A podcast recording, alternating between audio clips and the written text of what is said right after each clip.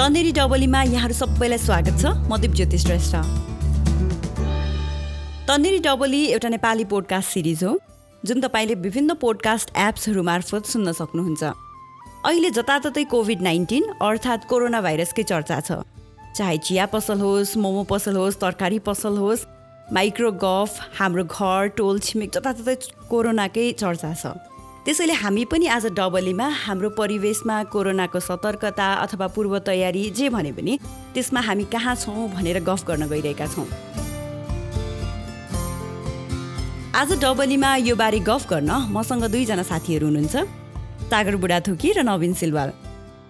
तागरजी journalist हुनुहुन्छ उहाँ अहिले अनलाइन खबरसँग आबद्ध हुनुहुन्छ उहाँ हेल्थ बिट हेर्नुहुन्छ त्यसमा। भने नवीन रो टिमकै साथी हुनुहुन्छ। उहाँ कहिले डबलीको होस्ट त कहिले गेस्ट भनेर आउनुहुन्छ। कुरा अब डरबाटै सुरु गरौँ न त हुन्न? अहिले जताततै कोरोनाको तनाव छ मलाई त्यो सामाजिक सञ्जाल समाचारहरूमा यो इन्फर्मेसनहरू हेर्दा समाचारहरू हेर्दा हेर्दै अति धेरै डर लाग्न थालेको छ। अनि तपाईँहरूलाई चाहिँ कतिको डर लागेको छ नि? आजको मितिसँग कुरा गर्नु पर्दाखेरि ठ्याक्क अफिस छिरिन्छ होइन? त्यहाँनिर अहिले प्रायः सबै अफिसमा चाहिँ हात धुनको लागि सुरुमै गेटमै पानी राखिदिने त्यसपछि सेनिटाइजर त्यो सबै छ। अनि साथीभाइले कुरा गर्दा पनि के हुन्छ भने कोरोना कोरोना। अझ मैले स्वास्थ्य बिटमा लेखिराख्नेहरूलाई चाहिँ मलाई मात्रै होइन अब प्रायः सबै मिडियाको साथीहरूलाई अहिले चाहिँ नामै कोरोना भनेर अथवा कोभिड नाइन्टिन भनेर नै दिइरहेका हुन्छन् साथीहरूले। किनकि हामीले त्यही लेखेका छौँ ती सम्बन्धी मान्छेहरूलाई भेटेको छौँ टेकु दिनमा एकपटक अथवा दुई दिनमा एकपटक पुगि गरिरहेका छौँ।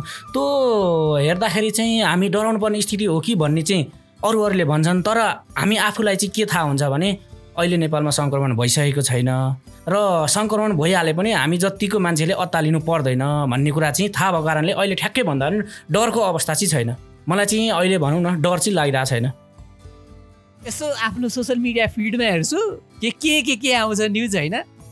अनि मलाई चाहिँ के लाग्छ भने यो यसमा चाहिँ अझै पनि हाम्रो यो फल्सिफाई न्युज फेक न्युजहरूले गर्दा पनि एउटा किसिमको त्रास चाहिँ अझै पनि विद्यमान छ कि जस्तो लाग्छ? अनि अर्को चाहिँ मलाई के लाग्छ भने जस्तै अब अहिले चाहिँ हाम्रो के के कुरामा चाहिँ हामी सेन्सिटिभ पनि भएनौँ क्या जस्तै अब मानौँ सार्वजनिक यातायात हेर्ने हो भने अहिले पनि एकदम भिडम भिड गरेर हिँड्नुपर्ने स्थिति अझै पनि छ होइन? त्यही कारण मलाई चाहिँ सरकारले धेरै इन्फर्मेसन लुकाइरहेछ कि भन्दैन कि जस्तो आफूलाई लाग्छ कि मलाई किनकि हाम्रो सरकार चाहिँ म जनताप्रति उत्तरदायी बेला बेलामा अलिक कम देख्छु कि? त्यसले गर्दा पनि होला मनमा फियर चाहिँ मेरो चाहिँ हेर्ने हुने छ। ठ्याक्कै तपाईँले भन्नुभएको कुरा हुन्छ नि त मैले धेरैबाट सुन् सुन्छु होइन? मैले समाचार लेखिराख्दाखेरि अथवा हाम्रै अनलाइन खबरको तल न्युजको तल चाहिँ कमेन्ट आएको अथवा मैले फेसबुकमा सेयर गर्दा आएको कमेन्ट प्रायः के हुन्छ भने सूचना लुकाएको त छैन सरकारले। यत्रो विश्वमा चाहिँ महामारी भोगिरहँदा नेपाल जस्तो हुन्छ नि त। स्वास्थ्य सेवामा राम्रो नभएको देशमा किन भएन भन्ने किसिमको प्रश्नहरू आइरहेको चाहिँ हुन्छ। अनि यही प्रश्न चाहिँ मैले जनस्वास्थ्य विज्ञहरूलाई हिजो मात्रै भर्खर अलिकति राम्रोसँग सोधेको थिएँ। जस्तै जन जनस्वास्थ्य राष्ट्रिय जनस्वास्थ्य प्रयोगशाला टेकुको निर्देशक डाक्टर रुना झा हुनुहुन्छ। उहाँले चाहिँ अहिलेसम्म चार सय प्लस चाहिँ नमुना सङ्कलन गरेको चाहिँ टेस्ट गरिसक्नु भएको छ होइन?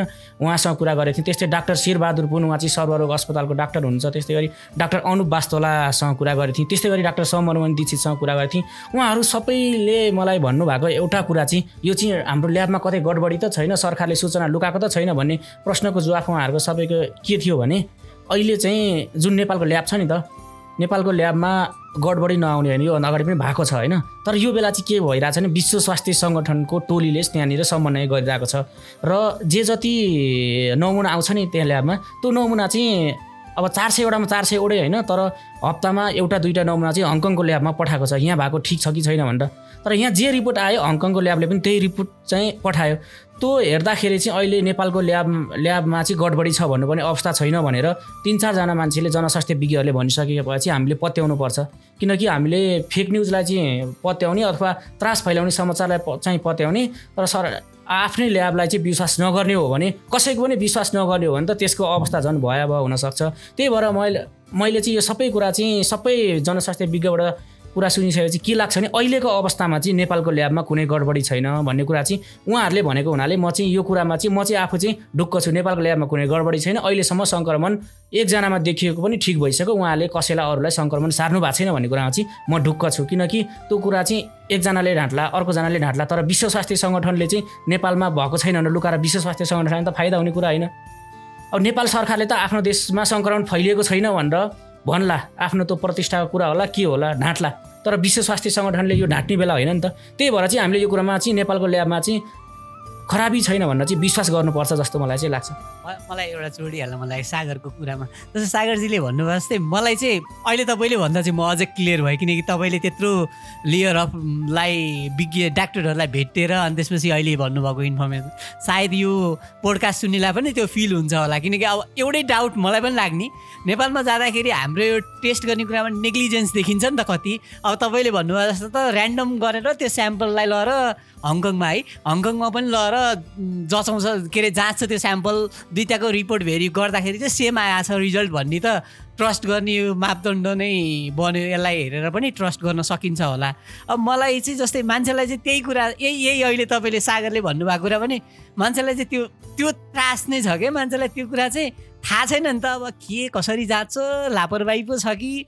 होइन त्यत्तिकै भनेको छ कि भन्ने लाग्छ। अनि अर्को यस्तो हुनुको कारण चाहिँ जुन दिन डब्लुएचओले नेपाल चाहिँ अब त चाहिँ के अरे खतरा जोनमै छस् है तर ढुक्क हुने अवस्था छैन भन्यो नि। त्योभन्दा अघिल्लो दिनसम्म नेताहरूले पब्लिक ठाउँमा भाषण गर्दा चाहिँ के हो नेपाल त वेलकम छ हाम्रो त टुरिज्म प्रमोट गर्ने बेला हो। म आफै एउटा प्रोग्राममा छु।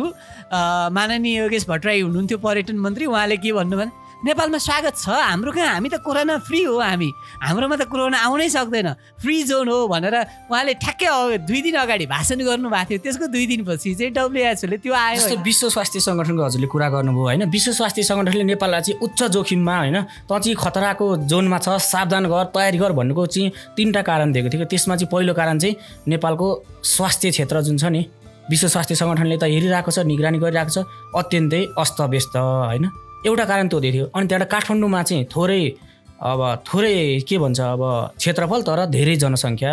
दोस्रो कारण यो थियो? तेस्रो कारण चाहिँ नेपालीहरूमा चाहिँ कसरी हात धुने भन्ने सचेतना नभएर भने नेपालीहरूले हात धुनै जान्दैनन् भन्ने कुरा चाहिँ विश्व स्वास्थ्य सङ्गठनको विभिन्न किसिमको रिसर्चले देखाइरहेको छ क्या। हात धुन जान्दैनन्। अनि त्यहाँबाट सार्वजनिक यातायात भिड छ। भिडबाट गयो भने एकजना सङ्क्रमण फैलेको मान्छे सर्यो भने चाहिँ जति चाइनामा जुन लेभलमा सरेको थियो नि। त्यो लेभलमा नेपालमा पनि हुन्छ भन्ने कुरा चाहिँ भएको थियो। विश्व स्वास्थ्य सङ्गठनले नेपालमा चाहिँ डेन्जर जोनमा राख्नु कारण चाहिँ स सङ्क्रमण फैलियो भने चाहिँ नेपालले कन्ट्रोल गर्नै सक्दैन भनेर चाहिँ उसले डेन्जर जोनमा राखेको हो। र अहिले चाहिँ सरकारले त्यो उच्च जोखिममा राखेर चाहिँ के गरिरहेको छ भने प्लान ए प्लान बी र प्लान सी अन्तर्गत काम गरिरहेछ। प्लान ए अन्तर्गत सरकारले भनेको के छ भने हामी चाहिँ पहिलो कुरा चाहिँ भित्र नै नदिने। प्लान ए भित्र नै नदिने त्यो भाइरस भएको मान्छेलाई भित्रै नदिने। प्लान बी अन्तर्गत के गर्ने? यदि भित्री भने के गर्ने भन्दाखेरि उपचार कहाँ गर्ने? सबभन्दा अहिले नेपालको स नेपालको स्वास्थ्य क्षेत्रका प्रतिनिधिहरूलाई उठेको प्रश्न भने यदि सङ्क्रमण फैलिएको छैन अहिले ठिक छ हामी हामी ल ढुक्काउँला फैल्यो भने के गर्ने? सबभन्दा ठुलो अहिले नेपालको समस्या अथवा के भनौँ फैल्यो भने नेपालको एउटा ठुलो समस्या नै उपचार गर्ने ठाउँको हुन्छ। अहिले पनि सरकारले जम्मा तिनवटा ठाउँ मात्रै छुट्याएको छ जसमा चाहिँ टेकु पर्छ पाटन पर्छ र किर्तिपुरको त्यो आयुर्वेद अस्पताल पर्छ होइन? यो तिनवटा ठाउँमालाई पुग्ला त भनेर हामीले प्रश्न गरिसकेपछि सरकारले के भन्यो? हामीसँग प्लान सी छ भने प्लान सी भने के हो भनेर भन्दाखेरि उसले के भने यदि त्यो महामारी जस्तै चिनमा जस्तै अथवा इरानमा जस्तै अथवा इटालीमा जस्तै फैल्यो भने के गर्ने भन्दाखेरि त भयोभरका सबै अस्पताललाई चाहिँ हामीले कोरोनाकै लागि भनेर उपचार गर्ने। त्यही नै आइसोलेसन बनाइदिने। भनेर सरकारको प्लान सी अन्तर्गत चाहिँ यो कुरा छ। तर यो कुरामा चाहिँ अलिकति जनस्वास्थ्यलाई बुझिरहेका मानिसहरूको चाहिँ एउटा अर्को के प्रश्न छ भने कोरोना आएको मानिसहरूलाई चाहिँ सबै अस्पताल लाँदा अरू उपचारहरू चाहिँ के गर्ने त भन्दाखेरि चाहिँ सरकारले यसको विकल्पमा के गरिरहेछ भने मिलेसम्मलाई सार्वजनिक हुन्छ नि स्कुलहरू यस्तो यस्तो ठाउँमा अलिकति भवनहरूमा लगेर राख्ने त्यहीँ नैबाट उपचार गर्ने मिलेसम्मकोलाई अब नमिलेकोसम्म त्यो अवस्थामा हामीले जति सक्ने हाम्रो क्षमतालाई भ्याएसम्म गर्ने भन्ने किसिम छ। प्लान सी चाहिँ अझै पनि सरकारले स्पष्ट रूपमा गर्न सके छैन।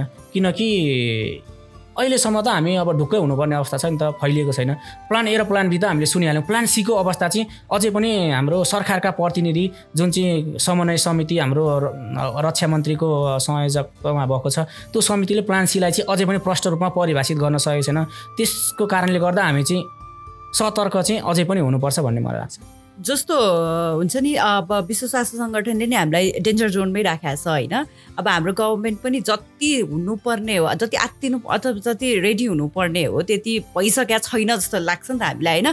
अनि जस्तो अब सागरजी त एकदम धेरै अब स्टोरी बनाउँदाखेरि धेरैजनासँग भेट्नुहुन्छ गफ गर्नुहुन्छ ऱ्याक गर्नुहुन्छ होला होइन? जस्तो हामीले पनि हुन्छ नि अब गाडीमा मान्छेहरू कहिले गफ गरिरहेको हुन्छ चिया पसलमा चटपट पसल तरकारी पसल जहाँ चाहिँ मान्छेहरूको ग्यादरिङ हुन्छ नि पब्लिक ग्यादरिङ त्यहाँ चाहिँ मान्छेहरू गफ गरिरहेको हुन्छ। मान्छेहरूमा चाहिँ एक खालको कस्तो छ भने अब नेपाल आए यदि नेपालमा त्यो सङ्क्रमण देखियो नेपालभित्र छिर्यो भने चाहिँ नेपाल सकियो होइन? हामी चाहिँ केही गर्नै सक्दैनौँ किनकि यत्रो ठुल्ठुलो देशहरूले पनि केही गर्न नसकेको अवस्था हामी चाहिँ उनीहरू चाहिँ यति धेरै आत्तिएको छ। मलाई कहिले चाहिँ के लाग्छ भने ला मान्छे त त्यही भुइँमै सबै ढल्दै जाने हो। कि उनीहरू यति धेरै त्यो छ कि त्यो एक खालको थ्रे के भन्छ फियर छ कि मान्छेहरूमा। अनि सो यो यस्तो नेरेटिभ्सहरूले चाहिँ होइन जस्तो कि पब्लिकको चाहिँ गभर्मेन्टप्रति विश्वासै गभर्मेन्ट अथवा स्टेटप्रति चाहिँ विश्वासै उठेको हो कि होइन गर्नै नसक्ने जस्तो उनीहरूले त्यो देखेको हो कि अथवा यो नेरेटिभ चाहिँ के चाहिँ सिग्निफाई गर्छ होला? यो कुरामा चाहिँ म अलिकति आफ्नो अनुभव जोड्छु। जुन बेला चाहिँ चिनमा रहेका मेडिकल पढ्ने विद्यार्थीहरूले नेपाल सरकारसँग गुहार मागिरहेको थियो। हामीलाई बचाऊ हामी यहाँ बच्न हामीलाई यहाँ जे पनि हुनसक्छ यस्तो फैलिरहेछ भन्दा। त्यति बेला चिन बाहेक अन्य देशमा सङ्क्रमण फैलिसकेको अवस्था थिएन। त्यति बेला हामीले बारम्बार हामी सबै मिडियाका साथीहरूले लेखिरहेको थियौँ चिनमा रहेका विद्यार्थीहरूलाई उद्धार गर्नु पर्यो भनेर हामीले लेखिरहेको थियौँ। तर सरकारले चाहिँ के भनिरहेको थियो तयारी भइरहेछ।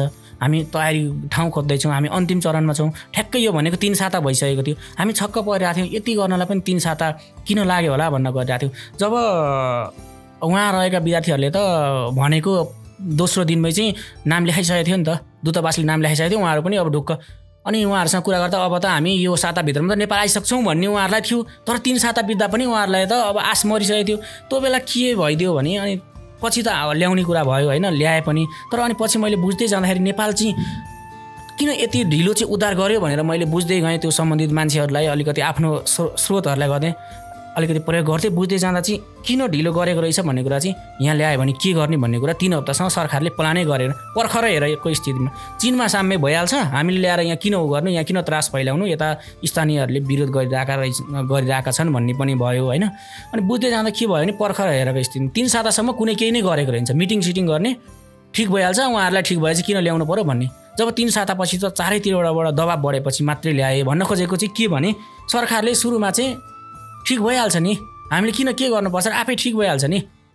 आफै ठिक हुन्छ हामीले किन तयारी गर्नुपर्छ भन्ने किसिमको मानसिकता चाहिँ यो उद्धार गर्नुभन्दा अगाडि देखियो होइन? तर अन्तमा उद्धार त गऱ्यो उद्धार गरेर ल्याइसकेपछि सरकारको त्यहाँ बस्नेहरूले राम्रो प्रशंसा गरे व्यवस्थापनको कुरादेखि लिएर त्यहाँनिर राख्दा डाक्टरहरूको कुरादेखि राम्रो प्रशंसा भयो। तर अलिकति के मानसिकता देखियो भने चिनले गरिदिइहाल्छ चिनमा राम्रो व्यवस्था छ हामी किन गर्ने भन्ने भयो? अनि अहिले यो विश्व स्वास्थ्य सङ्गठनले जोखिम घोषणा गर्नुभन्दा अगाडि पनि त्यही मानसिकता थियो। त्यही मानसिकता थियो क्या। अरू अरू देशमा फैले पनि हाम्रोमा फैलिँदैन। हामी त सुरक्षित नै हुन्छौँ भन्ने किसिमको मानसिकता थियो। जब विश्व स्वास्थ्य सङ्गठनले चाहिँ पिपिई किन पिपी भनेको चाहिँ पर्सनल प्रोटेक्टिभ इक्विपमेन्ट जुन चाहिँ सङ्क्रमितलाई पनि चाहियो र स्वास्थ्य कर्मीलाई पनि चाहियो र विमानस्थलमा हेल्प डेस्कमा बस्नेहरूलाई पनि थिएन क्या त्यो चाहिँ। किनकि सङ्क्रमित कोही आएको भए त उनीहरूले सार्छन् नि त। सङ्क्रमित आएनन् र पो उहाँहरू बचे त्यति बेला पनि थिएन। पिपिई किन भन्न निर्देशन दियो। एक महिना बितिसक्दा पनि स्वास्थ्य मन्त्रालयले त्यो निर्देशन अटेर गर्यो। अनि किन अटेर गऱ्यो भनेर हामीले बुझ्दै गयौँ खोज्दै गयौँ उनीहरूले के भन्यो भने अब यस्तो बेलामा हामीले हामीलाई कसले दिन्छ पिपी? सबै देशमा महामारी छ। भन्ने किसिमको उहाँहरूले चाहिँ एउटा रेडिमेड जवाफ दियो त्यो बेला पनि। किनकि मानसिकता नै त्यही छ। नेपालमा चाहिँ केही नै हुँदैन। अनि तपाईँहरूसँग स्टकमा कति छ भन्दा जम्मा हजार पिस छ भने। हजार पिसले त महामारी फैल्यो भने त हुँदैन। अनि आज के बार आइतबार चाहिँ विश्व स्वास्थ्य सङ्गठनको निर्देशनलाई एक महिनापछि पालना गर्दै व्यवस्थापन महाशाखाले चाहिँ पिपी खरिद गर्नलाई एउटा टेन्डर आह्वान गरेको छ। त्यो पनि एक हप्ताभित्रमा एक हप्ताभित्रमा टेन्डर हालिसक्ने आवेदन परिसक्ने र पन्ध्र दिनमा खरिद गर्ने भन्ने। तर त्यहाँ मैले जनस्वास्थ्य विकसँग यो सम्भव होला त अब पन्ध्र दिनमा आउला त भनेर सोद्धाखेरि के भन्नुभयो भने अहिले एक सय पैँसठीवटा देश एक सय पैँसठीभन्दा बढी देशमा त सङ्क्रमण फैलिरहेको छ। यो अवस्थामा त हरेक देशलाई पिपी चाहिएको छ। पहिला नेपाललाई दिनेहरूले पनि अब त उपलब्ध गराउन नसक्लान्। किनकि अब उहाँहरूलाई नै चाहिन्छ नि नेपालमा उत्पादन हुने कुरा त होइन। गाह्रो छ तर अब महँगो रेटमा अथवा के गरे भयो भने ल्याउलान् भन्ने कुरा। आयो पिपी पनि अभाव छ क्या भन्नाले। स्वास्थ्य कर्मीहरू पिपी नभइकन अब कोही सङ्क्रमित भयो भने किन उपचार गर्ने? आफू बचेर पो अरूलाई बचाउने भन्ने त्यो मानसिकता त भइहाल्छ नि।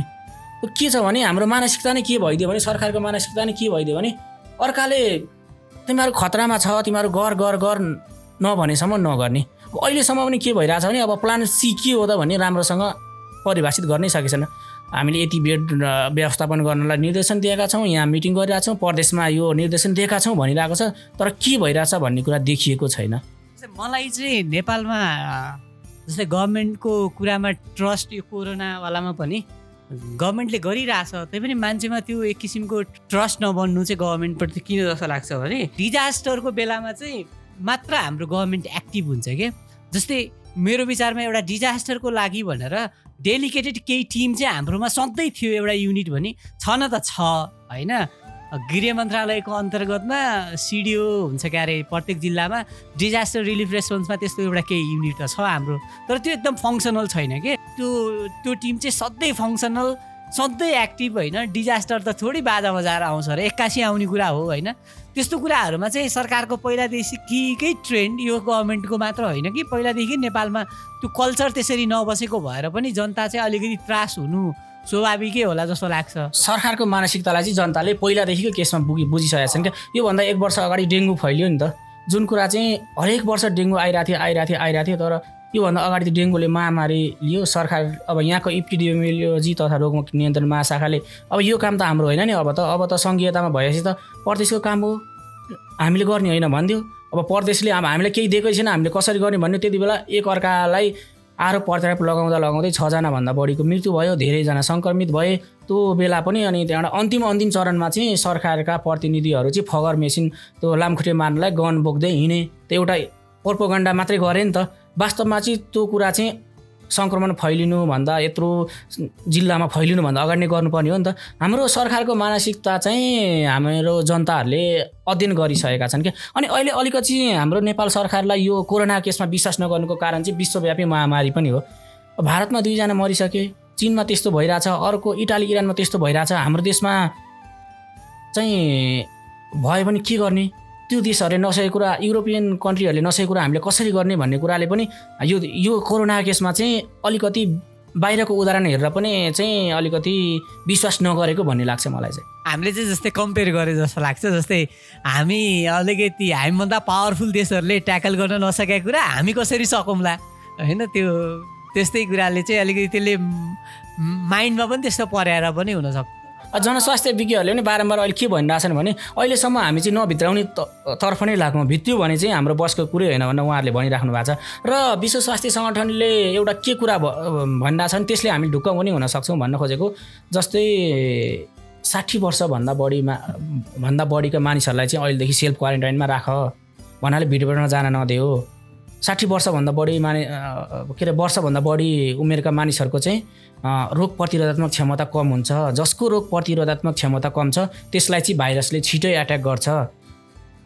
अनि त्यसै गरी मृगौलाका रोगी मुटुका रोगी अनि अन्य दीर्घरोगी बोकेकाहरू मानिस अब दीर्घरोगी बोकेका मानिसहरूलाई पनि तिमीहरूले चाहिँ अहिलेदेखि सेल्फ क्वारेन्टाइनमा राखिदेऊ उनीहरूलाई भिडभाडमा जान नदेऊ सार्वजनिक कार्यक्रमहरूमा जान नदेऊ त्यसो गऱ्यो भने चाहिँ अलिकति त्यो भाइरसको सङ्क्रमण चाहिँ त्यस्ता मान्छेहरूमा फैलिएन भने मृत्युदर कम हुन्छ।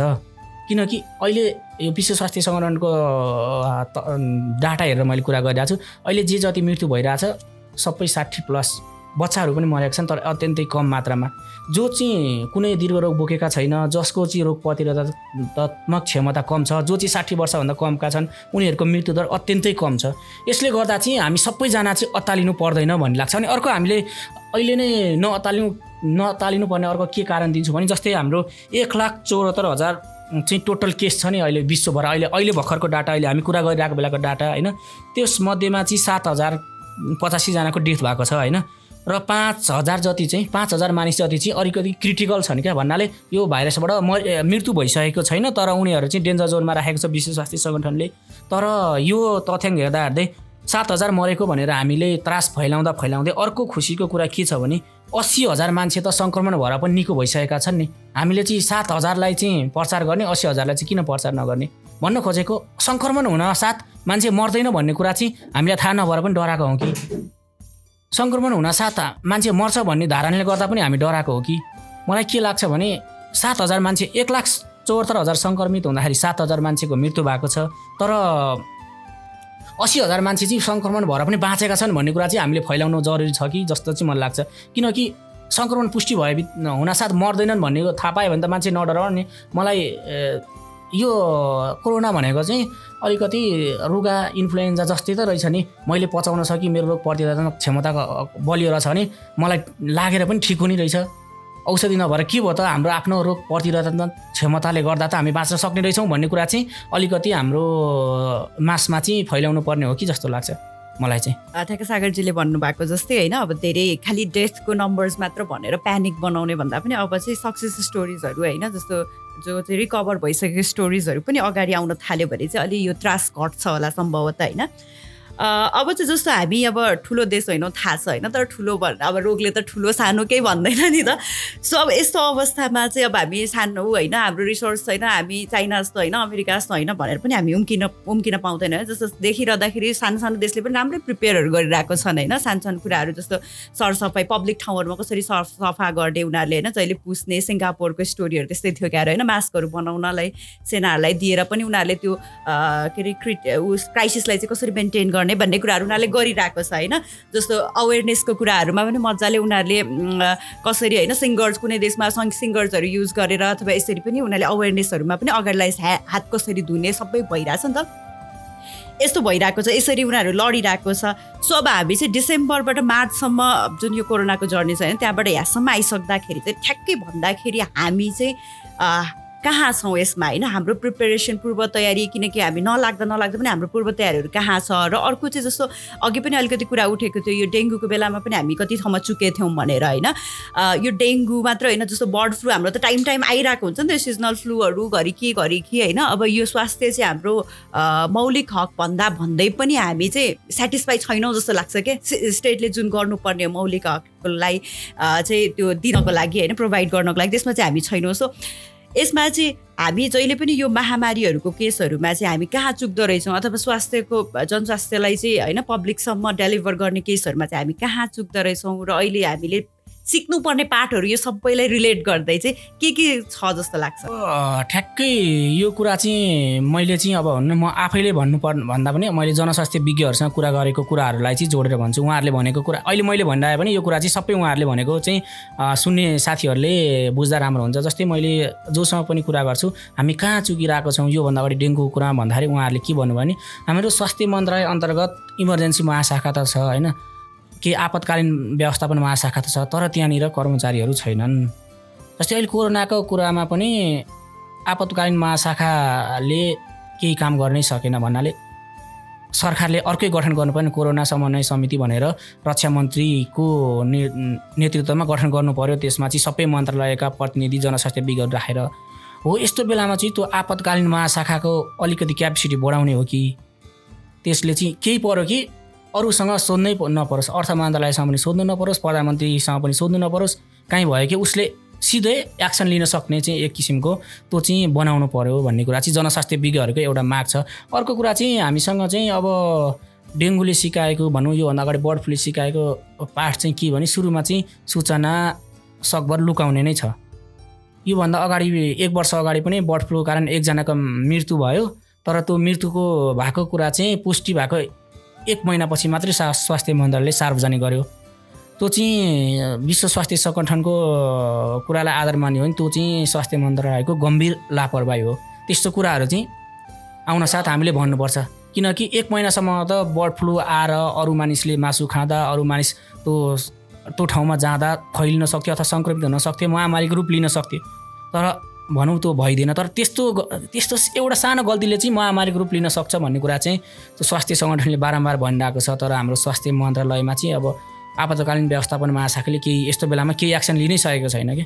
त्यो चाहिँ हाम्रो यो अलिकति प्रशासनिक कुराहरूको त छ नि जस्तै इपिडियोम डियोमिलियोजी छ जुन चाहिँ त्यसले पनि अब समन्वय गर्न सकेको छैन। यो बेला पनि उसले स्वास्थ्य मन्त्रालयकै अथवा प्रधानमन्त्री कार्यालयको मुख ताक्नुपर्ने अवस्था छ। हिजो मैले त्यहाँको निर्देशक डाक्टर बाबु वासुदेव पाण्डेसँग भेट गरेको थिएँ। उहाँले अब यो बेला यस्तो यो चाहिँ महामारीको बेला हामीले भन्दा नि अहिले चाहिँ स्वास्थ्य मन्त्रालय अथवा सरकारले नै गर्ने हो भन्ने जस्तो कुरा गर्नुभयो। उहाँले चाहिँ के भइरहेछ भन्ने कुरा जवाफ दिन पनि सक्नु भएन हिजो मैले कुरा गर्दाखेरि। र हामी चुकेको कारण चाहिँ यही हो। एउटा कुरा सूचना नै हामी दिँदैनौँ। पूर्व तयारीको मामलामा हामी कमजोर नै छौँ। अब क्वारेन्टाइन स्थल अस्ति हामीले खोज्नको लागि लगभग लगभग एक महिनै लगायौँ होइन? क्वारेन्टाइन स्थल त्यो पनि अपुग छ। भन्नाले यस्तो हाम्रो अस्पतालको भवनहरूमा अरू बेला नै बिरामी अट्टाइ नअटाइ हुन्छ। प्राइभेट अस्पतालको पनि क्यापेसिटी धेरै छैन। यो सबै कुरा हेर्दाखेरि हामी चाहिँ जिरो लेभलमा छौँ भन्दा फरक पर्दैन। हामी अलिकति भयावह अवस्था हो भने कहाँ जाने त भन्दाखेरि कहीँ नै छैन। अहिले तपाईँ यो कोरोना नआएको बेला पनि तपाईँ टिचिङ अस्पतालमा जाँदाखेरि लाइन बस्नै पर्छ वीर अस्पतालमा जाँदा पनि लाइन बस्नै पर्छ। त्यहाँनिर सामान्य सामान्यभन्दा सामान्य कुराहरूको उपचार गर्न जाने मान्छेले नै पालो कुर्नुपर्छ भने यस्तो बेलामा त झन् के गर्ने? हो यस्तो बेलामा चाहिँ अलिकति महामारी फैल्यो भने बिरामीलाई कहाँ राख्ने कसरी उपचार गर्ने भन्नलाई छुट्टै एउटा अस्पताल हुन्छ नि त। अलिकति ठुलो जनसङ्ख्या अट्ने अस्पताल चाहिँ स्थापना गर्नुपर्ने हो कि भनेर जनस्वास्थ्य विज्ञहरूले यो बेलामा भनिराखेका हुन्छन्। तर चाहिँ हाम्रो के चलन छ भने जुन बेला चाहिँ आपत पर्छ त्यो बेला चाहिँ अलिकति बहस हुने। अब यो आपत सिद्धिसकेपछि हामी आफ्नो तालमा आफ्नो समस्यातिर आफ्नो कुरातिर लागिरहन्छौँ। यो विषयमा कसैले सोच्नै सक्दैन। हो यस्तो यस्तै सामान्य सामान्य कुरामै हामीले ध्यान दिनुपर्छ कि जस्तो लाग्छ मलाई चाहिँ। अलिकति एउटा एक्सनमा जाने टोली भएन क्या? हाम्रोमा चाहिँ निर्देशन कुरेर बस्नुपर्ने प्रवृत्ति हाबी छ क्या? जस्तै केही भयो। एउटा यस्तो टोली अघि पनि मैले भनेको थिएँ नि जस्तै एउटा कुनै टोली त्यसमा चाहिँ एकजना मान्छे त्यो कतै गयो बिदामा बस्यो भने त्यसको ठाउँमा अर्को मान्छे रिप्लेस हुने के? तर एउटा दसैँजनाको होस् त्यो टास्क फोर्स चाहिँ चौबिसै घन्टा एक्टिभ हुने के? बरु रोटेसनमा दिने होइन। सो त्यस्तो खाले एउटा संयन्त्र चाहिँ बन्न जरुरी छ जसले चाहिँ आफैले डिसिजन गर्न सकोस् होइन कसैको निर्देशन कुरेर बस्न नपरोस् त्यस्तो खाले एउटा यो डिजास्टर रिलिफ रेस्पोन्सको लागि महामारी नियन्त्रणको लागि एउटा केही त्यस्तो डेलिकेटेड टिम चाहिँ सधैँ एक्टिभ भइरह्यो भने यसले चाहिँ के गर्छ भने एउटा ट्रेन्ड सेट गर्छ कि नेपालमा। जस्तै अहिले पनि यो कोरोनाको कुरामा हाम्रो नेपालीहरू डराइरहनुको कारण त हाम्रो पहिलाको प्र्याक्टिसहरू हेरेका छन् नि त होइन? किनकि हामीलाई त अब यो सुरु भएपछि अस्ति अब के गर्यो हाम्रो रक्षा मन्त्रीको नेतृत्वमा चाहिँ एउटा टिम गर्यो। उहाँ टिमले चाहिँ यो बारेमा अनुसन्धान गर्ने त्यहाँबाट एउटा निष्कर्ष निकालेर प्रतिवेदन दिएर अनि त्यसपछि बल्ल एक्सनमा जाने। भन्ने कुरा जुन आयो नि होइन? जसरी हाम्रो अहिले भइरहेछ नि त। सो यही कुरा नै एउटा मैले देखेको ल्याकिङ पोइन्ट हो कि? आजसम्मको स्थितिमा हामी थ्योरीमा मात्रै छौँ भन्दा नै फरक पर्दैन। एकदम थ्योरीमा छौँ। यो यो गर्ने भन्ने छ तर कसरी गर्ने कहाँ गर्ने भनेर सोध्यो भने कोहीसँग जवाफ चाहिँ छैन। भन्नाले हामी चाहिँ थ्योरीमा चाहिँ सबैभन्दा अगाडि नै छौँ भन्दा पनि फरक पर्दैन तर हामी एक्सनमा चाहिँ छैनौँ। अब अहिले कोरोनाको कारणले गर्दा मान्छेलाई डेङ्गुको बारेमा नोटिस भइसकेको छैन। तर गत शुक्रबारको तथ्याङ्क अनुसारमा तथ्याङ्क अनुसार चाहिँ नेपालभर छत्तिसजनाभन्दा बढीमा चाहिँ डेङ्गुको सङ्क्रमण पुष्टि भइसकेको छ। यसले के यसको अर्थ के हुन्छ भने गत वर्ष चाहिँ जेठबाट डेङ्गु फैलिएको थियो यसपालि चैतबाट फैलियो। भन्न खोजेको चाहिँ अब पनि ध्यान दिएन भने कोरोनाभन्दा अगाडि चाहिँ डेङ्गुको महामारी पो फैलिने हो कि भन्ने डर छ। तर यसको बारेमा कसैले सोच्नै सकेको छैन कसैले प्रश्न उठाउनै सकेको छैन। किनकि जति कोरोना डेन्जर हो डेङ्गु पनि त्यति नै डेन्जर हो नेपालको लागि चाहिँ। तर खोइ सरकारले केही गरेकै छैन। त जब अलिकति महामारी फैलिन्छ तब चाहिँ फगर मेसिन लिएर चाहिँ हाम्रो सरकारका प्रतिनिधिहरू जो चाहिँ गएर निर्देशन दिनुपर्ने हो उहाँहरू आफै चाहिँ त्यो गन बोकेर हिँड्नुहुन्छ। तर वास्तवमा चाहिँ त्यो गर्नको लागि कर्मचारीहरू चाहिने हो नि। यो यस्तो यस्तो बेलामा चाहिँ ल सरसफाइ गर्ने अथवा यो गर्ने भने त्यो कर्मचारीहरू चाहिँ छैन। भन्न खोजेको योभन्दा अगाडि एउटा सानो टिम थियो त्यो चाहिँ के अरे स्वास्थ्य मन्त्री हाम्रो उपेन्द्र यादव भएको बेलामा चाहिँ त्यो टिमलाई पनि डिसमिस नै गरिसक्यो क्या। भन्नाले एउटा सानो टिम थियो डेङ्गुहरू अथवा यस्तो पर्को बेलामा मेसिनहरू बोकेर त्यो औषधि छर्कने यतात्यता गर्ने त्यो किसिमको एउटा सानो टिम थियो त्यो टोली नै डिसमिस भइसक्यो। अहिले त्यो टोली पनि छैन। भन्न खोजेको डेङ्गुले महामारी लियो भने के गर्ने कसरी नियन्त्रण गर्ने भन्नको लागि अहिले जसरी रक्षा मन्त्रीको नेतृत्वमा कमिटी गठन भएको छ फेरि अर्को कमिटी गठन गर्नुपर्छ क्या। पहिला नै कमिटी गठन गरेर गर्ने कुरा केही छैन। यसले चाहिँ हाम्रो जनताहरूले मानसिकता थाहा भइसकेको छ। जब एउटा उखान छ नि त जब राति तब बुढी दाती भने जस्तै जब जब चाहिँ महामारी फैलिन्छ तब सरकारले चाहिँ केही किन गर्न गर्छु भन्दै आउँछ तर ढिलो भइसक्छ। अहिलेको अवस्था अहिलेको हाम्रो हामी कहाँ छौँ भन्दाखेरि हामी अहिले त्यही अवस्थामा छौँ। भन्नाले महामारी नहुन्जेलसम्म सरकारले के गरिरहेछ अथवा सरकारले के गर्दैछ भन्ने कुरा हामीलाई थाहै हुँदैन क्या। जब महामारी फैलिन्छ यो सरकारले चाहिँ अब चाहिँ यस्तो गर्न थालेछ है भन्ने मात्रै थाहा हुन्छ। अहिले त हामी गर्दैछौँ हामी त तयारी गर्दैछौँ भन्ने मात्रै छ। तर के कसो भन्ने कुरा चाहिँ अत्यन्तै उहाँहरूले जवाफ दिन सक्नुहुन्न। मलाई मलाई एउटा सागरको कुरामा अलिकति जोड्नु मन लागेको जस्तै सरकार भनेको त हाम्रो गार्जेनसिप गर्नुपर्ने हो नि जस्तै सरकारको रेस्पोन्सिबिलिटी हामी जनताको रेस्पोन्सिबिलिटी भनेको हामीले चुनावमा भोट दिएर जिताएर पठाइसकेका छौँ। अब उहाँहरूको रोल हो नि त हामीलाई गर्ने। किनकि हामी आफै हाम्रो बारेमा सबै कुरा केयर गर्न सक्थ्यौँ। हामी आफै नीतिहरू बनाएर अगाडि बढ्न सक्थ्यौँ भने त सरकार सुन्नु जरुरी नै थिएन होइन? अहिले सरकारको एटिट्युड चाहिँ ठ्याक्कै म आफू कलेज पढ्दाको दिन सम्झिन्छु के? टिचरले चाहिँ हामीलाई एसाइनमेन्ट दिन्थ्यो। एसाइनमेन्टको आज भोलि डेडलाइन भनेपछि रातभरि बसेर गर्ने। भोलि बिहान टाइम चाहिँ मिट गर्ने। कस्तो सामग्री? अहिले अलिकति चाहिँ हाम्रो सामाजिक सञ्जालको कुरा पनि म गर्छु। मैले के देखिरहेको छु भने यो सामाजिक सञ्जाल हेर्दाखेरि हाम्रो केही साथीहरूले चाहिँ के गरिराख्नु भएको छ भने डर फैलाउने काम चाहिँ रमाइलो रमाइलोमा गरिराख्नु भएको छ। सामाजिक सञ्जालमा राम्रो कुरा भन्दा नराम्रो कुरा चाहिँ बढी फैलाइराख्नु भएको छ। तर सामाजिक सञ्जालको चरित्र अब के पनि हो भनिन्छ भने विश्वव्यापी रूपमा हेर्दाखेरि नेगेटिभ कुराहरू बढी फैलाउने भनिन्छ। तर यस्तो बेलामा चाहिँ त्यो हामीले फैलाएको नेगेटिभ सामग्रीले सोसाइटीमा अथवा कुनै मानिसमा कस्तो असर पर्छ भनेर हामीले अलिकति नसोच्दा चाहिँ त्यसको परिणाम चाहिँ हुन्छ नि भयानक हुन जान्छ। म एउटा अलिकति सानो उदाहरण दिन्छु। हामीलाई सरकारले साबुन पानीले हात धुने सेनिटाइजर प्रयोग गर्ने भनिरहेछ। यो कुरा हामीले फैलाइरहेको छैनौँ। किन फैलाइरहेको छैनौँ भन्दाखेरि अलिकति सरकारको पनि कमजोर काउन्सिलिङ छ। हात धुँदाखेरि कोरोनाको भाइरस आयो भने कसरी चाहिँ सर्दैन भनेर त्यो चाहिँ सिकाउनु पऱ्यो नि। त्यो कसरी सिकाएको छ? सिकाएकै छैन। साबुन पानीले हात धुँ मात्रै भनेछ। साबुन पानीले हात धुँ भनेर त मानिसले कसरी विश्वास गर्ने? साबुन पानीले हात धुनुपर्ने कारण चाहिँ मैले चाहिँ अलिकति अध्ययन गरेको आधारमा भन्छु साबुन पानीले हात धुँदाखेरि चाहिँ कसरी कोरोना चाहिँ हाम्रो शरीरभित्र प्रवेश गर्दैन अथवा यदि आयो भने कोरोना भाइरस आयो भने भन्ने कुरा चाहिँ कोरोना भाइरसमा चाहिँ तिन किसिमको तत्त्वहरू हुँदो रहेछ। जसमा चाहिँ एउटा आरएनए भन्ने हुँदो रहेछ यो साइन्टिफिक टर्म हो होइन यसमा हामी डिटेलमा नजाउँ। अर्को चाहिँ प्रोटिन भन्ने हुँदो रहेछ अर्को चाहिँ लिपिड हुँदो रहेछ। आरएनएले चाहिँ के गर्दो रहेछ भने यदि तपाईँ मेरो नजिक हुनुहुन्छ होइन तपाईँसँग चाहिँ कोरोनाको भाइरस छ भने यदि रहेछ भने त्यसले चाहिँ मतिर तान्ने काम मेरो शरीरमा तान्ने काम चाहिँ गर्दो रहेछ आरएनए भन्ने एउटा तत्त्वले। त्यसले तान्ने काम गर्दो रहेछ। त्यो आरएनएले तानिसकेपछि प्रोटिन भन्ने जुन हुन्छ नि त्यो तत्त्व कोरोनामा प्रोटिनले चाहिँ हाम्रो शरीरभित्र फैलाउने काम गर्दैछ। त्यसै गरी चाहिँ त्यो तत्त्वले चाहिँ हाम्रो शरीरको कोषहरू हुन्छ नि कोषहरूमा गएर सिधै एट्याक गर्दो रहेछ। अर्को लिपिड भन्ने तत्त्व हुँदो रहेछ त्यो चाहिँ पातलो हामीले मासु खाँदाखेरि हातमा लाग्ने बोसो हुन्छ नि त्यस्तै हुँदो रहेछ। लिपिड भन्ने तत्त्व हो। त्यसमा चाहिँ आरएनए र प्रोटिन बस्दो रहेछ फेरि लिपिड भन्ने तत्त्व अनि त्यो लिपिड भन्ने तत्त्व पातलो हामीले मासु खाँदा हातमा लाग्ने बोसो जस्तो हुँदो रहेछ नि। त्यो बोसोलाई काम पहाल पहाल्ने काम केले गर्छ? साबुन पानीले। साबुन पानीले चाहिँ त्यो लिपिडलाई पहाल्छ प्रोटिनलाई पहाल्छ आरएनएलाई पहाल्छ जसको कारण चाहिँ हाम्रो शरीरमा भाइरसको सङ्क्रमण के अरे भाइरसले छोए पनि साबुन पानीले हातमा सम्पर्क भयो भने मेरो हातमा भाइरस आए पनि साबुन पानीले बेला बेलामा हात धोयौँ भने त्यो चाहिँ पखालेर फ्याँकिदिन्छ हाम्रो शरीरभित्र प्रवेश गर्न पाउँदैन भनेर।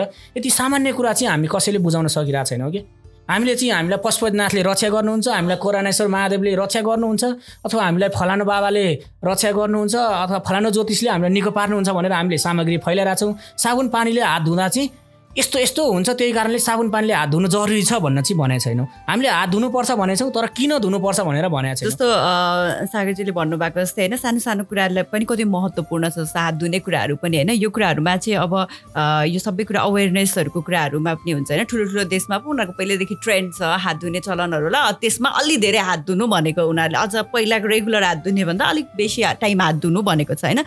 सो अब हाम्रोमा त्यो नै कल्चर छैन मान्छेलाई त्यो नै त्यो नै थाहा छैन किन हात धुने भने भने यस्तै कुराहरूमा पनि जस्तो गभर्मेन्टदेखि लिएर होइन गभर्मेन्टले कसरी समन्वय गर्ने हो प्रदेश सरकारसँग स्थानीय तहसँग उनीहरूले यस्तोमा पनि यस्तोमा चाहिँ ढिला गर्नुहुन्न। इन्फर्मे अवेरनेसको लागि त पोस्टर्सहरू टाँस होइन एडहरू देऊ कसरी हुन्छ त्यो खालको चाहिँ जनचेतना जगाउन पनि अब लागि पर्नुपर्छ।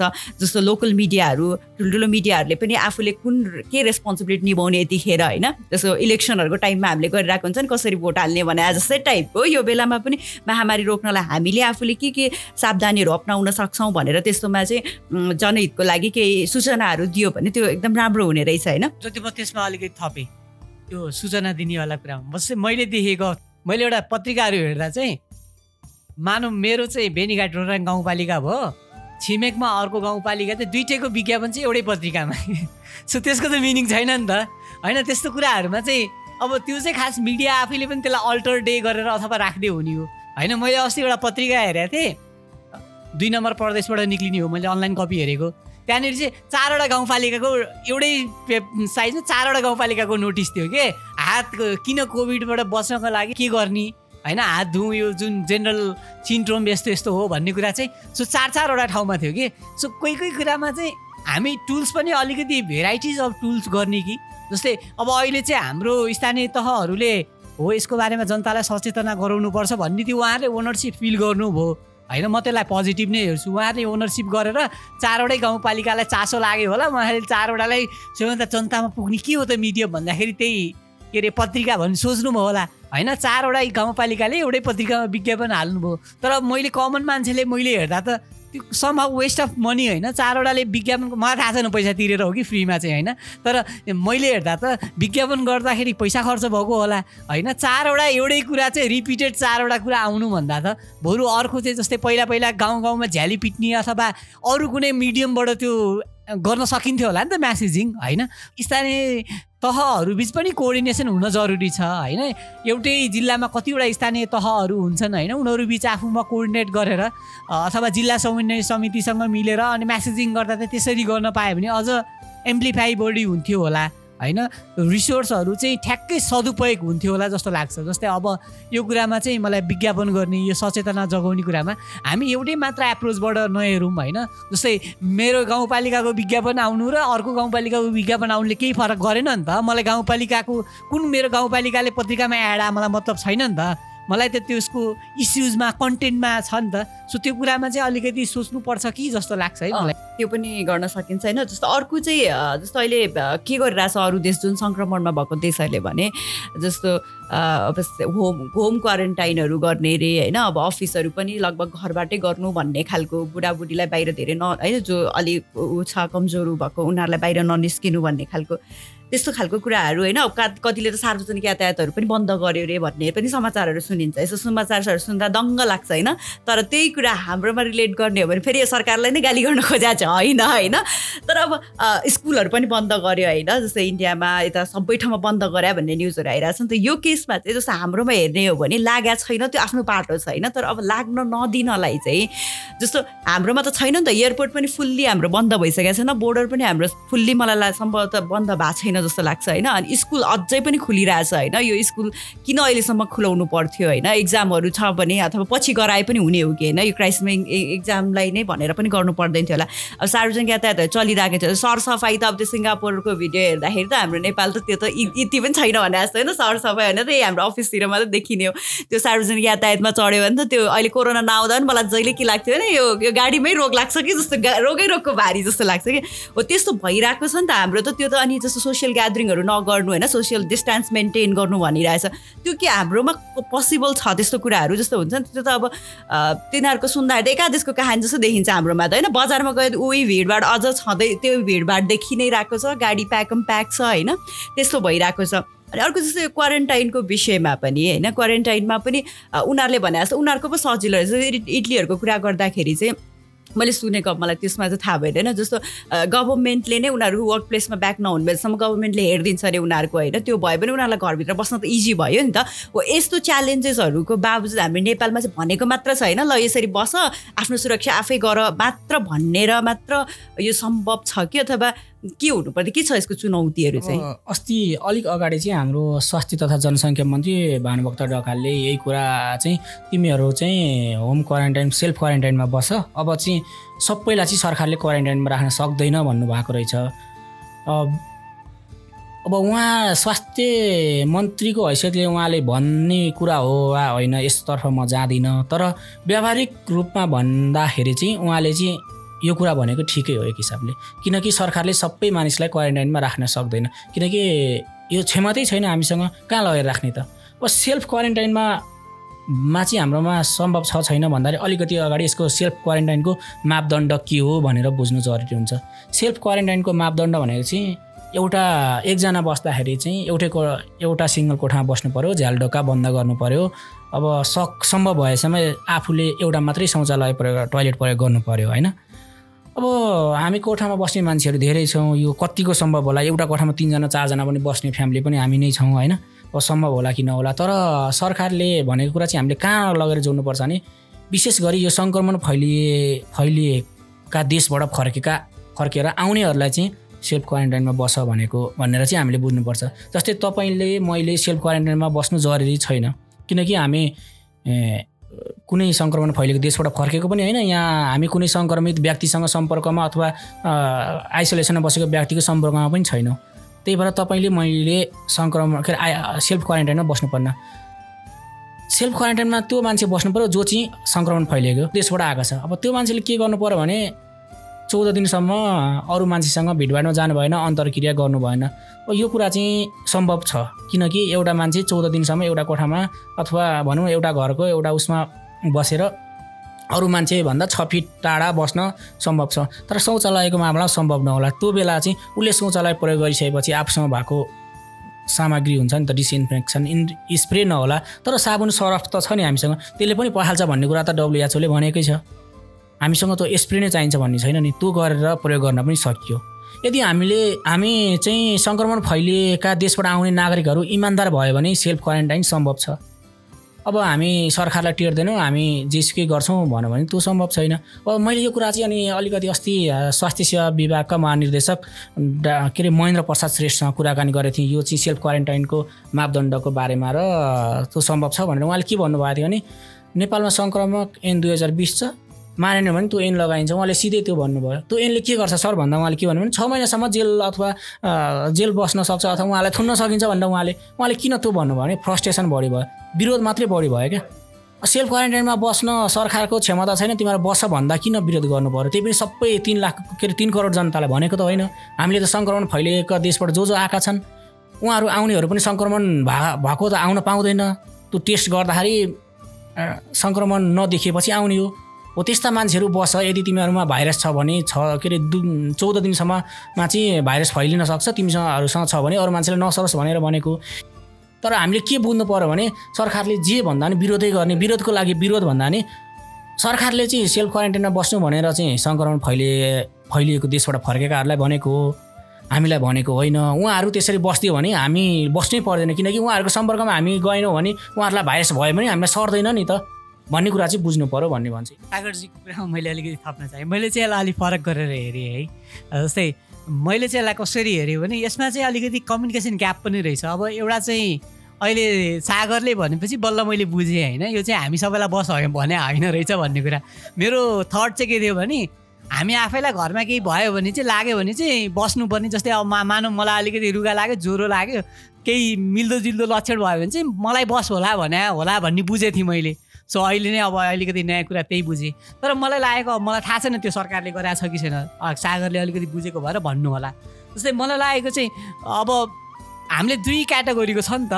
हामी बाहिर जाने मान्छेहरू कति मान्छे चाहिँ हाम्रो जस्तै माइग्रेन्ट वर्करमा जाने त हाम्रो ट्रेन नै हो। हाम्रो देश रेमिट्यान्सले धान्या छ भन्छ होइन। अब बाहिरबाट माइग्रेन्ट वर्करमा जाने एकजना कोही दाजुभाइ दिदीबहिनी फर्किनु भयो मानौँ। उहाँ एयरपोर्टमा फर्केपछि उहाँको काठमाडौँमा घर छैन। अब उहाँले त यहाँ बस्नु आफन्त कोही त्यस्तै आफ्नो कोही मान्छे हुन्छ। त्यस्तोलाई चाहिँ सरकारले त्यस्तो अप्सन दिएको छ जस्तै मानौँ तँसँग त बाहिरबाट फर्किस् यदि तेरो चाहिँ आफ्नै ठाउँ छ त सेल्फ क्वारेन्टाइनमा बस्ने त भनी त आफ्नैमा बस। यदि तँसँग त्यस्तो अप्सन छैन भने आइज हामी कहाँ हामी पनि तँलाई व्यवस्थापन गर्न सक्छौँ। त्यस्तो के अप्सन दिएको छ सागर? के के छ त्यो चाहिँ? यो मैले चाहिँ अस्ति यही कुरा ठ्याक्कै तपाईँले मलाई जे प्रश्न गर्नुभयो नि ठ्याक्कै यही प्रश्न चाहिँ मैले स्वास्थ्य सेवा विभागका महानिर्देशकलाई राखेको थिएँ। उहाँले के भन्नुभयो भने हामीले विमानस्थलमा चेक गर्दाखेरि कुनै पनि लक्षण देखिएन। रुगा ज्वरो अथवा श्वास प्रश्वासमा समस्या। मेन चाहिँ कोरोनाको लक्षण भनेको त श्वास प्रश्वासमा समस्या हो नि त। रुगा ज्वरो पनि अहिले त इन्फ्लुएन्जाको सिजन छ त्यो देखिन्छ। त्यो देखिएन भने हामी उहाँहरूलाई घरै पठाइन्छौँ उहाँहरूको व्यवस्था होटलमा भयो भने उहाँहरूले नै बस्नुपर्छ। यदि चाहिँ उहाँहरूलाई अलिकति ज्वरो सास फेर्न गाह्रो भयो जिउहरू दुख्ने भयो भने चाहिँ हामी आफै चाहिँ उहाँहरूलाई खर्च व्यवस्थापन गरेर राख्छौँ भन्नुभयो। यसको अर्थ चाहिँ हामीले के बुझ्नु पऱ्यो भने उताबाट आउँदा पनि सङ्क्रमणको कुनै लक्षण छैन। यहाँनिर विमानस्थलमा को स्वास्थ्य कर्मीहरूले जाँच गर्दा नि कुनै लक्षण छैन भने त्यसलाई सरकारले हेरेन।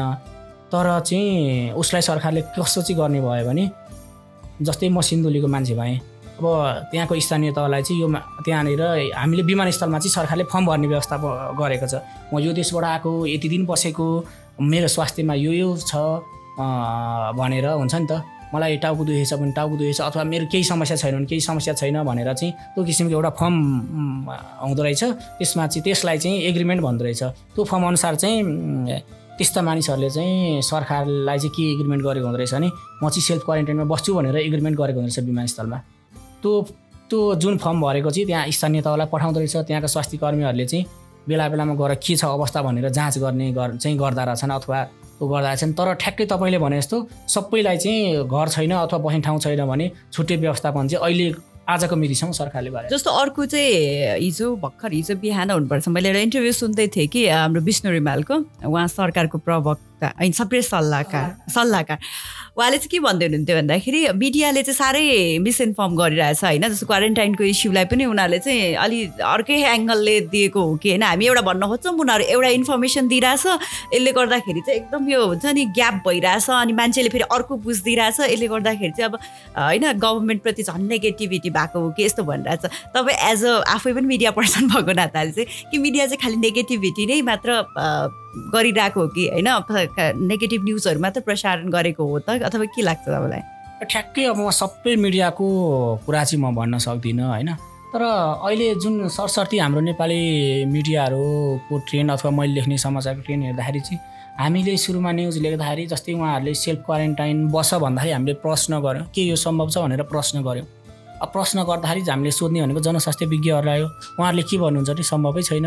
नेपालमा त अब कोठामा बस्नेहरू हुन्छन्। एउटा घरमा एउटा फ्ल्याटमा दुईवटा परिवार अर्को फ्ल्याटमा दुईवटा परिवार गर्दा धेरै हुन्छन्। शौचालय त चार पाँचवटा परिवारले प्रयोग गर्ने एउटै हुन्छ। कसरी सम्भव छ भनेर जनस्वास्थ्य विज्ञहरूले भनिदिन्छन्। हामीले भनेको चाहिँ प्रश्न नै गर्ने हो क्या?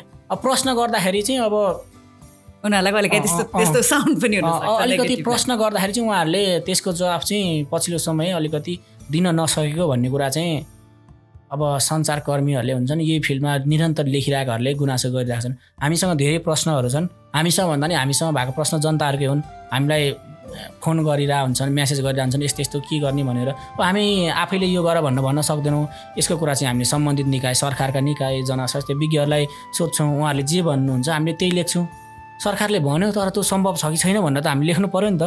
हो त्यो गर्दाखेरि कहिलेकाहीँ उहाँहरूलाई चाहिँ अब नेगेटिभ मात्रै गरेँ भन्ने भएको हुनसक्छ। अब त्यो चाहिँ एउटा के भन्ने अब त्यो चाहिँ सामान्य कुरा पनि हो त्यो। जस्तो अब हामी कहिलेकाहीँ यो पे प्यानिक सिचुएसनमा चाहिँ हामी आफै पनि सरकार मात्रै होइन हामी आफै सिटिजनहरू पनि एकदम प्यानिक भइदिएर झन् सिचुएसनलाई वर्स्ट बनाउने बनाइरहेको जस्तो लाग्छ नि त कहिलेकाहीँ होइन। एकदम जस्तो अघि पनि कुरा उठेको थियो एकदम बल्कका बल्क सामानहरू थुपारिदिने यस्तै नुनको प्याकेट हाम्रो घरमा पनि छ क्या। नुनको प्याकेट यति चार पाँचवटा छ ग्यास सिलिन्डर कतिवटा छ होइन।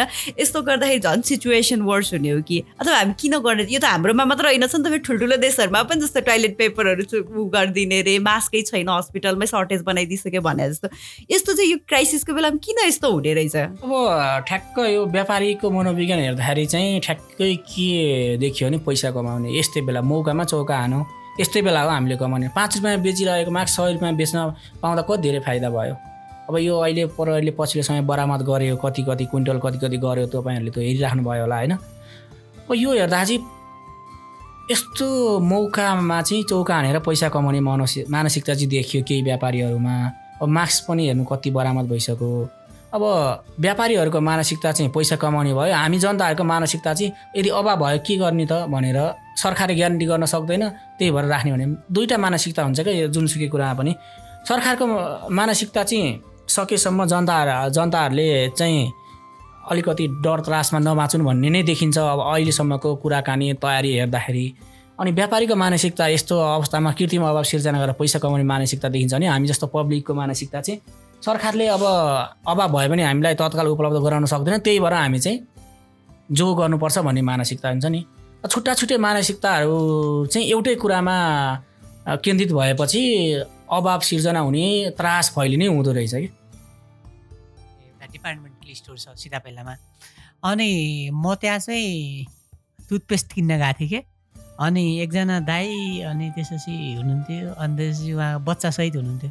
अनि उहाँ डाइपर भएको सेक्सनमा पुग्यो चाहिँ चारवटा जति उठाएर लिएर जाउँ फेरि सर्टेज हुन्छ भनेर छ भनिरहनु भएको थियो। सो त्यसलाई चाहिँ मैले कसरी हेरेँ भने अहिले चाहिँ एउटा त हामी आफैले आफैले म्यासेज हुन्छ नि सबैभन्दा हेर्ने हो भने सबैभन्दा एकदम मेरो लागि सबैभन्दा न्युजको स्रोत के हो? हाम्रो नेपाली कल्चरमा अझै पनि एउटा न्युजको स्रोत भनेको आफन्त रिलेटिभ छिमेकी इज द ठुलो न्युजको स्रोत हो कि? अनि तिनीहरूले चाहिँ के गरिदिरहेछ भने म्यासेज एकदम त्यसरी फ्लो अब जस्तै त्यो दाइले चारवटा लिएर गयो अब त्यो दाइले मैले त चारवटा ल्याएर राखेको छु भने चाहिँ अर्को त्यो दाइको अर्कोले अब उसले पाँचवटा उठाउँछ कि? सो हाम्रो चाहिँ के हो भने हाम्रो त्यो हाम्रो संस्कार कल्चरै त्यसरी चलाएको छ नि त। हुन त विश्वमा पनि त्यसरी अभावहरू क्रिएट त भइरहेछ। कसैलाई विश्वासै छैन क्या? सर्टेज भयो भने सरकारले तुरन्त उपलब्ध गराउँछ भने कसैलाई विश्वासै छैन क्या? हाम्रो अब कसैसँग विश्वास नभएपछि त के गर्ने? आफूले आफ्नो सुरक्षा गर्ने सरकारसँग विश्वास नभएपछि के गर्ने? आफ्नो जो आफै गर्ने आफूले गरेन भने हामीलाई कसैले बचाउनेवाला छैन हामीलाई कसैले सहयोग गर्नेवाला छैन भनेपछि चाहिँ यस्तो कुरा हुँदो रहेछ भन्ने कुरा चाहिँ यो पछिल्लो समय अलिकति सरकारले निगरानी त्यस्तो गर्न केही जरुरी छ कि जस्तो लाग्छ। अवश्य त्यसमा चाहिँ अब व्यापारीहरूलाई पनि उर्दी जारी गर्ने जस्तै कहिले एउटैलाई चार नाफा मात्र नहेर त यो बेलामा नाफा हेर्ने मात्र होइन भनेर अलिकति भन्न जरुरी छ होला जस्तो लाग्छ। अनि अर्को चाहिँ मलाई लागेको हामी जति पनि डराइरहेछौँ त्यति धेरै डराउनु पर्ने स्थिति छ जस्तो लाग्दैन। डिजास्टर त हामीले एकलट भोगिसकेको हो नि त। हाम्रो जेनेरेसन अथवा हाम्रो देश जसले जनआन्दोलन भोग्यो होइन यो द्वन्द्व भोग्यो त्यसपछि अब भूकम्प भोग्यो त्यसपछि यो हो नि त यो सबै कालखण्डमा कुनै न कुनै बेलामा यस्तै कुराहरूको अभाव हुँदै आएको थियो। अझ नाकाबन्दी छुटेछ होइन? सो त्यसमा कहीँ कतै हामीले अभावहरू त भोग्दै त्यसलाई जित्दै जित्दै आयो नि त। त्यही भएर यो लेभलको प्यानिक हुनुपर्ने जब छ जस्तो मलाई लाग्दैन। त्यो त छ महिना नाकाबन्दीमा त सर्भाइभ गरेर बाँचियो होइन?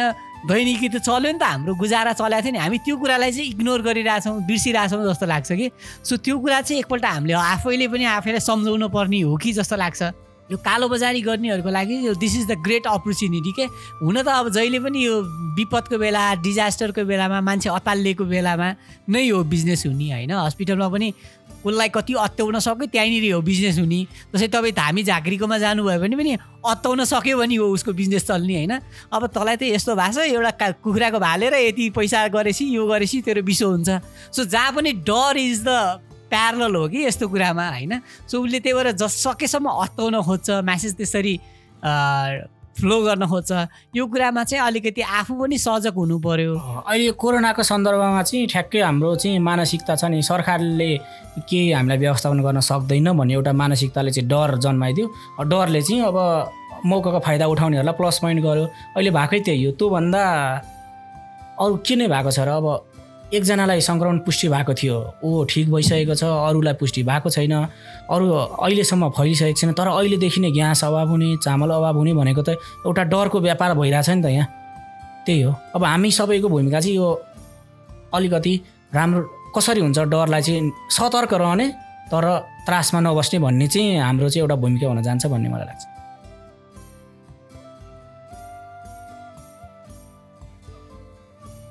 अब यो विषय नै यस्तो छ कि गफ गरिरहँदाखेरि अनेकौँ योसँग लिङ्क हुँदै आउँछ होइन? सो कुरा गर्नुपर्ने इस्युहरू धेरै छ।